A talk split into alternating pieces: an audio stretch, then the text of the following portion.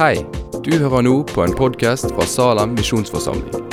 En menighet i sentrum av Bergen. Vil du vite mer om oss eller komme i kontakt med oss, gå inn på salem.no. Ja, da vil jeg først få lov å takke for at jeg fikk eh, komme her til Salem i dag og dele noe som jeg har vært en del opptatt av. Temaet er Gud som skaper. Og jeg bare si det innledningsvis at det er jo et stort og omfattende emne. Og det er sikkert ting som du kunne tenkt deg kom inn på, som jeg ikke kom inn på. Men jeg gjør det på min måte, og så får du ta det for det det er. Jeg skal lese fra Forkynneren kapittel 12, vers 1. Tenk på din skaper i ungdomsår, før de vonde dagene kjem, og det lir mot dei år da du lyd seia, eg liker deg ikke. Tenk på din skaper. Det er utgangspunktet mitt. Det er den vise kong Salomo som skrev det der. Forkynneren, eller predikeren, som det heter før i tida og i mer høytidelige vendinger. Det er på mange måter en merkelig bok. Kongen han ser på livet med skråblikk, så å si. Hva er livet for noe? Hva går det ut på? Har det noe mening? På mange måter så er boka prega av en pessimistisk grunntone. Han regner opp både det ene og det andre som i utgangspunktet er bra. Men så viser det seg at alt til sjuende og sist er tomhet og jag etter vind. Det er fåfengt, som det står på nynorsk. Og Om en har utrettet aldri så mye, og om en aldri har skaffa seg så stort et navn, så hjelper det i grunnen ikke så mye. For i døden så møtes den rike og den fattige, og begge må fare gjennom den samme porten. Alle skiljer som har vært her i livet, de forsvinner da. Hva skal du da kave etter? Du skal jo dø likevel. Salomo reflekterer over dette her. Og Mot slutten av boka si så kommer han inn på at det er mye bokskriving. Og Så legger han til at det er mye gransking leter på kroppen. Og Somme av oss vet noe om det. Men alt er ikke sagt med det. Mot slutten av boka så vender han blikket utover og oppover. Tenk på din skaper, sier Salomo. Om det gjerne kan se sånn ut, så er du ikke overlatt til deg sjøl og til meningsløsa. Det er en som har skapt deg, som har vilja deg. Og han er ikke bare alle sin skaper, han er først og fremst din. Skaperen er herre over himmel og jord. Han er allmektig, han er suveren. Han trenger ikke stå til regnskap for noen fordi han er den han er. Og så slutta forkynneren av sånn. Åttas Gud og halv hans spå. Det er noe som gjelder alle mennesker. For Gud skal føre hver gjerning fram for dommen over alt som er løgnt, enten det er godt eller vondt, står det i kapittel 12. Det er Gud som skaper seg temaet mitt. De siste åra har jeg tenkt en god del på det. Og hva betyr denne sannheten i den kristne trua? Og hva konsekvenser bør det ha i livet mitt, i dagene mine? Jeg så preget av det dominerende livssynet at alt har blitt til av seg sjøl av en eller annen grunn og at Gud som skaper og herre på det næreste har blitt skubba ut over sidelinja. Hvis det skjer, så er det fare på ferde. Mister vi skaperperspektivet, så blir òg gudsbildet endra. Og ryker den første trosartikkelen, så får både den andre og den tredje egentlig med i samme renne. Den første trosartikkelen med Gud som Herre og Skaper, og den andre trosartikkelen som legger vekt på Gud som frelser og utløser, og den tredje som legger vekt på eh, trøsteren og hjelperen. Det henger sammen i en integrert helhet. Hvis ikke Gud står bak alle ting og holder alt oppe, hva rett har han da til å befale over meg og kreve førsteplassen i livet mitt? Med hva rett og myndighet kan han dømme meg og alle andre på den siste og ytterste dagen?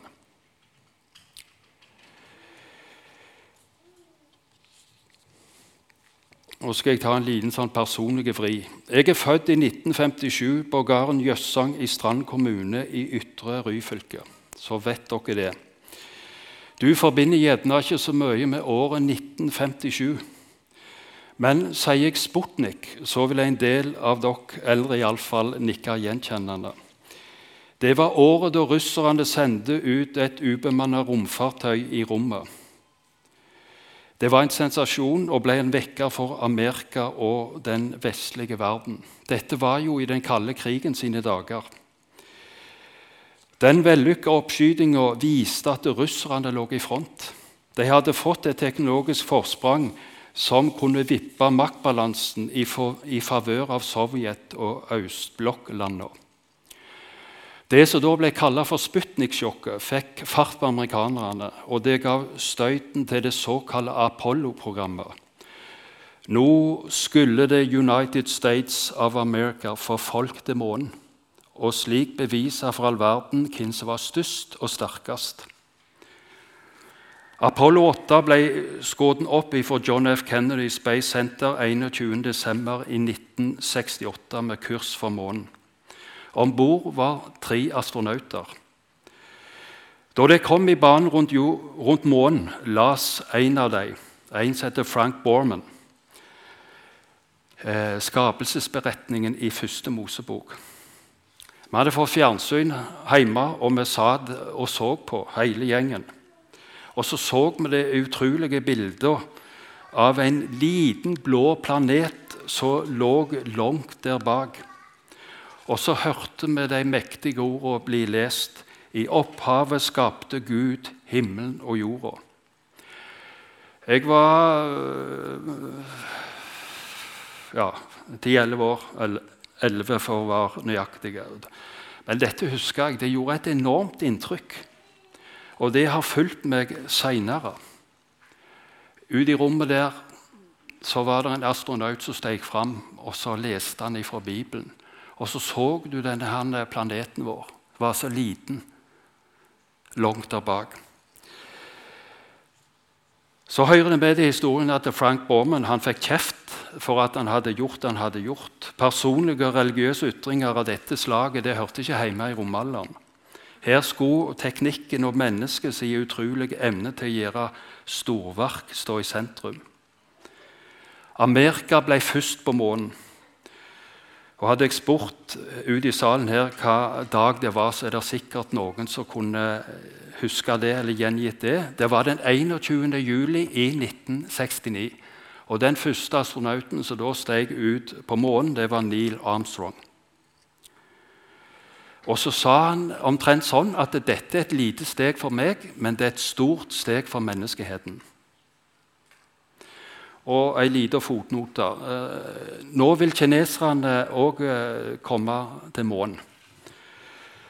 Eh, de har planene klar og vet ikke akkurat når de vil lande det der, men det er i løypa.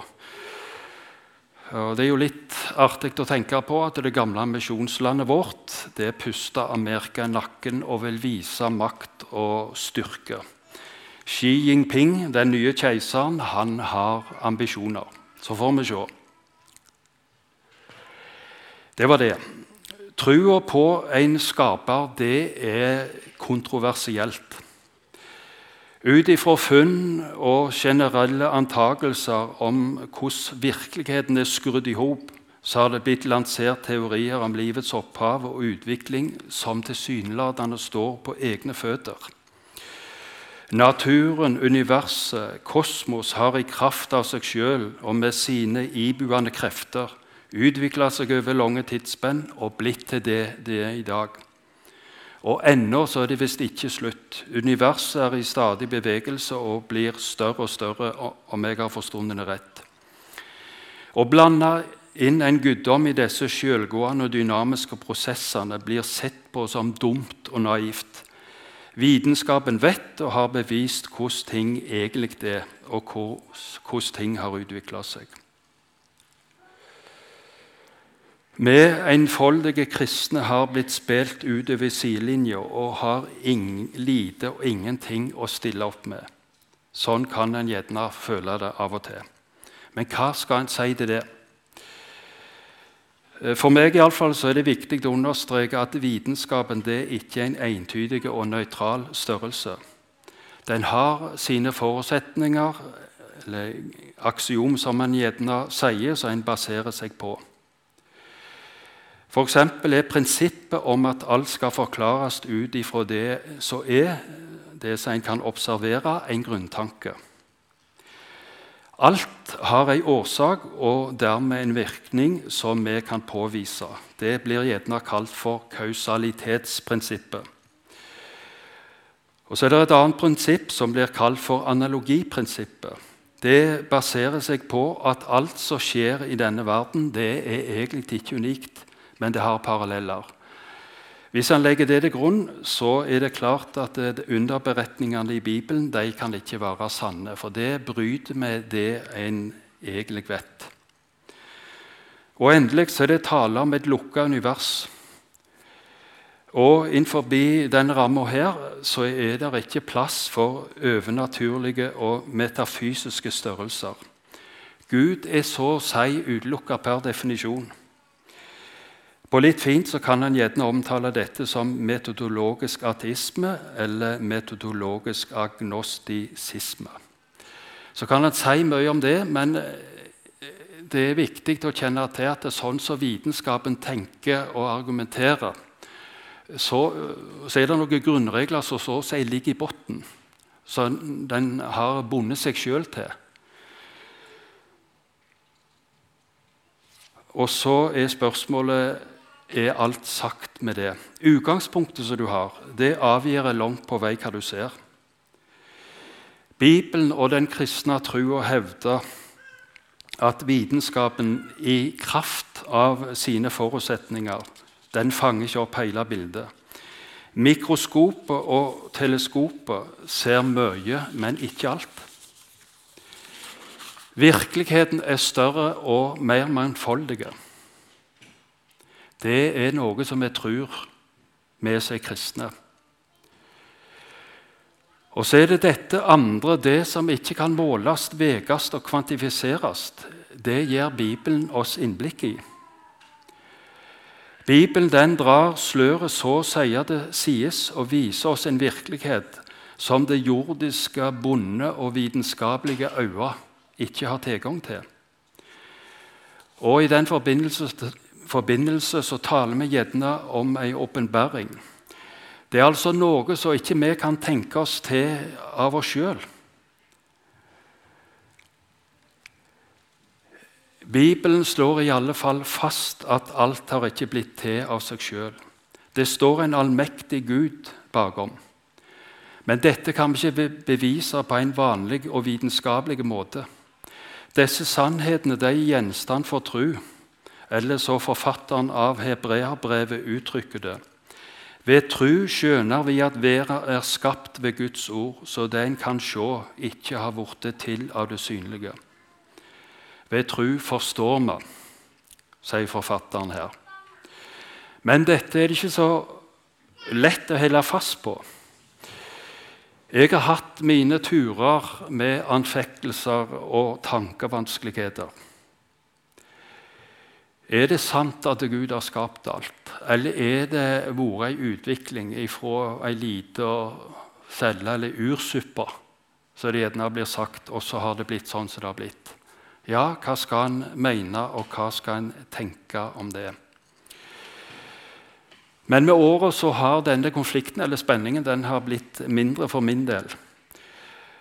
Og På ene sida så har det med det faktum å gjøre at jeg har fått mer innblikk i hva vitenskap er for noe. Hva muligheter den rommer, men òg hva begrensninger den har. Og så har jeg nok òg innsett at i de skapelsesfortellingene i Bibelen så må en være litt forsiktig med å lese dem òg. Det er ikke gitt at eh, og ta alt som det står, ord for ord, og sette det inn f.eks. i 24 timers døgn eller ei uke, så mange gjør, det, så er det ikke sikkert det er den rette måten å presse ting inn i teksten på. Vi kan bli for dogmatiske og rasjonelle i møte med disse tekstene. Men eh, den utviklingen i mitt liv den henger også noe sammen med eh, observasjoner som jeg har gjort. Jeg gir, ut, jeg meg ikke ut, for å være noe geni, men ei vanlig enkel sjel. Jeg bor på Frekkhaug og har arbeidsplassen min på NLA, som jeg allerede har nevnt. Og I sommerhalvåret så sykla jeg fra Frekkhaug til Breistein. Så jeg har vært i det grønne skiftet lenge. jeg. Om morgenen når jeg fer innover over Nordhordlandsbrua, så er det ofte fantastisk. Sola står opp, og så er det lette skyer som driver over himmelen. Og Av og til så blir det rene lysshowet som viser seg. Og sånn som møtelederen sa her at Av og til så opplever du at dette eh, Gud eh, gir en sånn spesialbehandling. Jeg har òg tenkt sånn, opplevd det sånn. Her får jeg et håndtrykk fra himmelen på vei til arbeid, litt sånn trøtt og grudgen. Og så, og så er det sånn som det er. Andre ganger så er det jo eh, grått, det er mørkt og det er tungt og det er mye regn. Og det vet vi litt om denne høsten. Men det er fint på sitt vis, det òg, og det hører til. Så har det vært kvelder hjemme da, uh, der månen kommer opp. Nå bor vi på en haug sånn at det er mye himmel over oss. Så da ser vi godt, og så kommer månen stiltrende opp. Og så sier han ikke så mye, men han er nå der. Sola og månen har sine faste plasser, går i sine baner og oppfører seg så nøyaktig og forutsigbart at vi kan lage kalendere, almanakker og klokker. Og da spør jeg har dette finstemte systemet falt på plass av seg sjøl? Mange hevder det. Jeg kan ikke være med på det. Og så syns jeg det er fascinerende å se gresset, blommene og trærne, hvordan de vokser og blir til. Kombinasjon av lys, varme, eh, luft og jord medvirker på en spennende måte. CO2 pluss H2O pluss energi gir CH2O pluss oksygen, eller O2. Det er den kjemiske formelen for fotosyntesen. Den kjenner sikkert mange av dere til. Og Hvis det er sånn at denne fotosyntesen bryter de sammen, så blir det i sjuende og sist ikke så mye å ete. Den kjemiske forklaringen den er for så vidt grei. På den andre sida er det ikke merkelig at det som skjer, at det skjer på den måten som det gjør. I sommer var jeg på Skogsmuseum på Elverum. Det er forresten veldig flott, så det kan anbefales. I en avdeling der så hadde de om treet og viste alle finurligheter med det. Og så kom de òg inn på fotosyntesen. Og så sto det i en sånn forklaring at eh, dette her er grønn magi. Det uttrykket likte jeg. Grønn magi. Ja, Gud har skapt, og Gud skaper fremdeles. Det går som en rød tråd gjennom Bibelen. Gud var i opphavet og før alle ting. Så skapte han himmelen og jorda i en suksessiv orden. Og til slutt så steg mennesket fram, skapt og forma i Guds bilde. Så skulle Adam og Eva og etterkommerne ikke gå gjerandsløse i paradis. Vær fruktbare og vært mange, fyll jorda og legg henne under dykk. Her er det tale om planter, tre, gras og dyr, som vi for så vidt så i denne flotte filmen innledningsvis. Tenkt som råstoff til foredling, vekst og utvikling. Kulturoppdraget er Guds ja til arbeid, til dyrking, til vitenskap og teknologi. Gjennom familieinstitusjonen, slekta, stammen og folket skulle livet leves i et nært økologisk samspill med Gud, naturen og nesten. På den måten så fikk mennesket rolla som medskaper, forvalter og samfunnsbygger. Syndefallet som kom, det ødela litt av denne gudskapt orden, men den la han likevel ikke øye. Og På tross av at det vonde er kommet inn i verden, så er mennesket fremdeles i stand til å gjøre mye godt. På en måte så forstand ikke helt kan trenge gjennom å forstå, så er Gud med i alt. Det står sånn i apostelgjerningene 17.: For i Han er det vi lever og rører oss og er til. Og i Salme 139.: Bakanfra og framanfra kringset du meg, du legger di hand på meg. Og skjønne dette er forunderlig for meg, det er for høyt, jeg makter det ikke. Men likevel kan vi glede oss over livet i undring, takk og tilbedelse. Og I afrikanske bønn så står det sånn Herre, jeg er så glad i dag, i denne morgenstund. Fuglene og englene synger, og jeg jubler også. Universet og våre hjerter er åpne for din nåde. Jeg kjenner kroppen min, og det takker jeg for. Solen brenner huden min, jeg takker. Havet ruller mot stranden, og skumsprøyten slår mot huset vårt. Jeg takker. Herre, jeg gleder meg over skapningen, over at du er bak og ved siden, foran og over og i oss. Hver dag er ditt verk, du teller hver eneste dag, som krøllene på hodet mitt. Halleluja, Herre. Halleluja ved Jesus Kristus. Amen.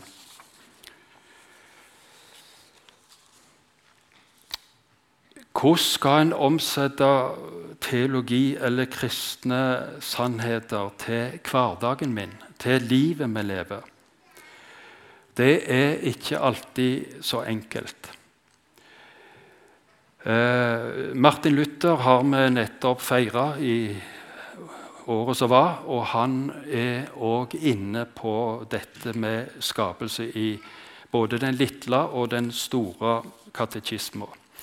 Og Det som er litt eh, spesielt med Luther sin tilnærming, det er at han ikke legger opp til vidløftige utleggelser. Han har et mer sånn eh, eksistensielt og livsnært innsteg.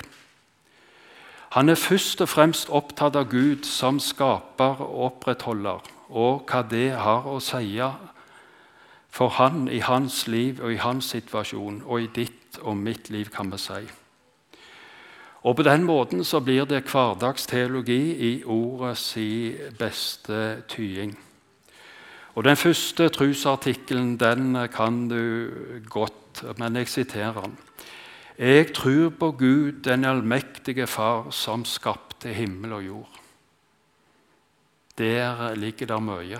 Jeg tror på Gud, den allmektige Far, som skapte himmel og jord. Og hva er det? Så sier Luther jeg tror Gud har skapt meg og alle skapninger, at Han har gitt meg lekam og sjel, øyne, øyro og alle lemmer Vit og alle sanser, og framleis held dette ved lag. At han attåt det gir meg klede og sko, mat og drykk, hus og heim, kone og barn, åker, fe og alle gode ting. At han rikelig og daglig syter for meg med all nauturft, som det heter på nynorsk, og næring for lekamen og livet, verner meg mot all fare, vakter og varer meg mot alt vondt. Og alt dette gir han av bare faderlig omsorg, guddommelig godhug og miskunn, uten at jeg har fortjent det og verdig til det.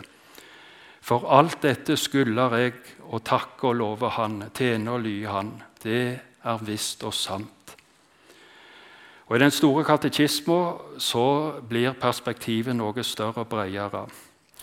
Dertil lar han hele skapningen gi meg alt det som er nyttig for mitt liv. Sol, måne, himmelens stjerner, dag og natt, luft og ild, vann, jorden og altså alt som vokser på den. Fugler og fisk, dyr, korn og alle slags vekster. Dessuten gir han alle velsigner for vårt liv i denne verden. Et godt styre, fred og trygghet. Fordi alt vi eier og har, og alle ting i himmel på jord, og dessuten blir daglig gitt og holdt oppe av Gud, så er det innlysende at vi er skyldige til å elske, lovprise og takke Ham for det til alle tider. Hva betyr det så at Gud er skaper? Universet eller kosmos det er et skaperverk og ikke et levende og mekanisk maskineri som har blitt til av seg sjøl. En stor, allmektig, skapende, opprettholdende Gud står bak. Det som kan observeres, er mer enn materielle og mentale strukturer og prosesser uten mening. En designer eller konstruktør står bak. Verket er Guds og ikke tilfeldighetene. Gud er Gud. I kraft av den han er, kan han stille krav. Han kan så å si sette standarden. Du skal ikke ha andre guder enn meg. Han kan stille oss til ansvar, dømme og straffe. Han er førsteinstansen. Og den som synder, han setter seg opp imot Gud, skaperen, herre over liv og død. Vi lever og rører oss på Guds jord. Av dette følger òg et forvalteransvar. Vi har ikke fått jorda til privat forbruk. Å tenke Gud, nesten og miljø inn i livssammenhengen vår er viktig. Ehm, det er mye som vil dra oss ned. Mange opplever at livet har nærmest blitt en stor idol konkurranser. Vi risikerer å bli stemt ut.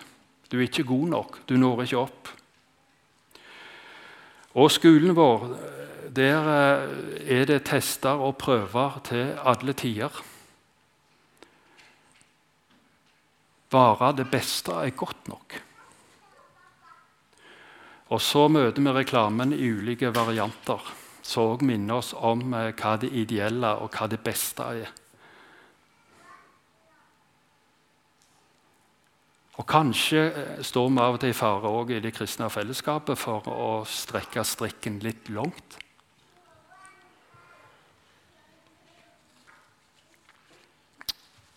Med det for øye har jeg lyst til å understreke livet ditt og mitt det er ei gave gitt av Gud. Når du er til, så er det egentlig Gud som står bak. Så har du foreldre og andre som har eh, vært midlere. Men dypest sett så er det Gud. Så når du sitter her i dag, så er det Gud som vil det. Det betyr òg at livet ditt og mitt har mening. Om jeg skal si det litt fint, så har det en metafysisk forankring. Og Det betyr òg at eh, livet våre har verdi i forhold til Gud, i forhold til medmennesker og samfunn. Vi er ulike, men alle betyr noe i den store sammenhengen. Så kan vi dømme, sortere og plassere på ulike måter, men det er ikke bibelsk. Alle har verdi, fra det ufødte til det gamle og senile livet, for å si det sånn. Det har verdi. Det er det Gud som sier, og Gud som slår fast Han som er skaperen. Nå skal jeg eh, straks avslutte, men jeg tenkte måtte også nevne at eh, Gud skapte i sin tid universet, skaperverket og alt som ble til. Og så skaper han fremdeles. Men en dag så skal han gripe nyskaperne inn. Det står sånn i Bibelen Nå skal jeg sitere noen vers her. Vær ikke redd, Jeg er den første og den siste og den levende. Jeg var død, og sjå, jeg er levende i all eva. Johannes' åpenbaring, kapittel 1, vers 18. Og Senere i Johannes' åpenbaring, kapittel 21, jeg er alfa og omega, opphavet og enden. Og Så sier Peter i sitt andre brev, tredje kapittel, men Herrens dag skal komme som en tjuv, og da skal himlene få gå med stort brag, og himmellekamene skal komme i brann og gå i oppløsning, og jorda og alt som er bygd på henne, skal brenne opp. Da nå alt dette går i oppløsning, hvor viktig er det da ikke at det feres heilagt og i Guds frykt, medan de venter på at Guds dag skal komme og skunne han fram? Da skal himlene verte oppløst i eld, og himmellekamene bråna i brann.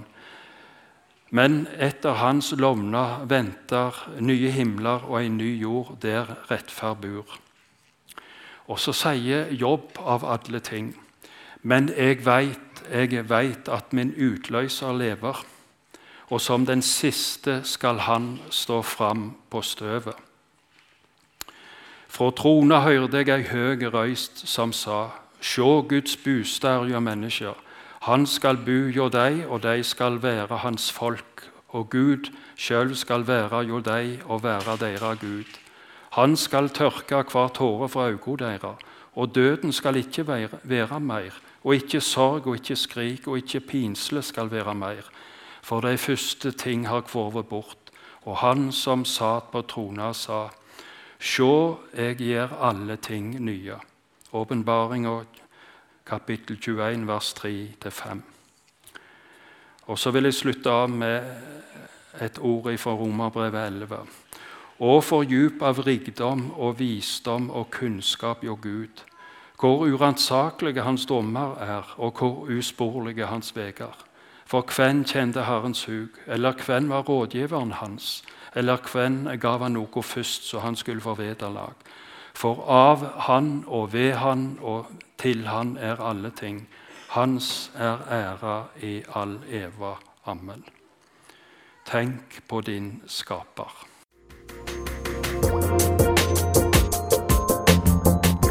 Takk for at du har hørt på podkasten fra Salem, Bergen. I Salem vil vi vokse i et stadig dypere fellesskap med Gud og med hverandre. Vi vil være Jesu hender og føtter, og vi vil være med og forkynne frelse for Bergen og resten av verden. Besøk oss gjerne på salem.no om du vil vite mer.